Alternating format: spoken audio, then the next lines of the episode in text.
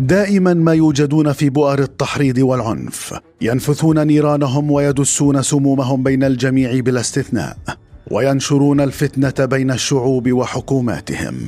أفكارهم شكلت الحاضنة الأساسية للتنظيمات الإرهابية المتطرفة حتى سارت على درب الموت وبدأت رحلة الدمار والخراب والدم. الإرهاب خرج من رحم الجماعة شهادة نطق بها القيادي السابق بتنظيم القاعده علي الفقعسي كشف خلالها عن العلاقة الوثيقة التي تربط القاعدة بالإخوانجية.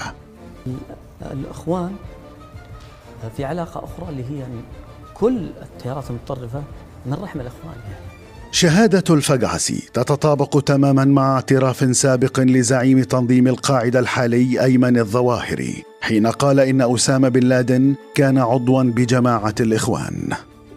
الشيخ أسامة بن لادن كان في جماعة الإخوان المسلمين في في جزيرة العرب.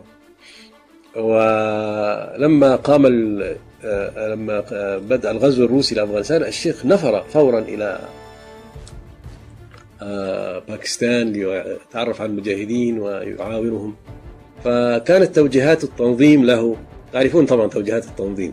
كانت توجيهات التنظيم له أنك لا تتخطى له. علي الفقعسي الذي كان أحد مرافقي بن لادن كشف كيف كانت لقاءات قناة الجزيرة القطرية مع القاعدة ميسرة أكثر من أي وسيلة إعلامية أخرى. يعني لقاء الجزيرة القاعدة ميسر أكثر مما تخيل. ولو كيف ميسر أكثر مما تخيل؟ سريع يعني القاعدة الجزيرة تريد مقابلة في 24 ساعة. آه يعني كانت الاتصال متوا... يعني مستمر. في اتصال مباشر مستمر. هكذا انكشفت خيوط المؤامرة وغدت واضحة جلية. جماعة الإخوانجية بالفكر الضال لحسن البنا وسيد قطب تفسد عقول الشباب العربي المسلم لدفعهم دفعا نحو الإرهاب والتطرف. وقناة الجزيرة القطرية تسلط الضوء عليهم وتقدمهم للمجتمع كما لو كانوا أبطالا. لا لشيء إلا لزعزعة استقرار دول المنطقة. الجزيرة آه، عندها أهداف تتقاطع مع القاعدة وش الأهداف اللي تتقاطع على الجزيرة؟ الهدف الأساسي مسألة زعزعة أمن الدول العربية. اللي يعني بن لادن يريد هذا من أجل إقامة الدولة. يعني بن لادن وقطر كلاهما يريد زعزعة نعم كلها أمن الدول العربية. أكيد بما فيهم السعودية. بما فيهم السعودية أول دولة السعودية. السعودية هي المستهدف رقم واحد. نعم رقم واحد.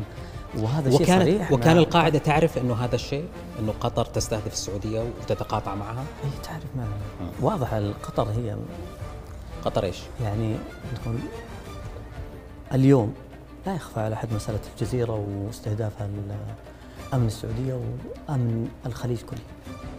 خيانة عظمى. لا تزيدها الأيام إلا وضوحا وتاكيدا.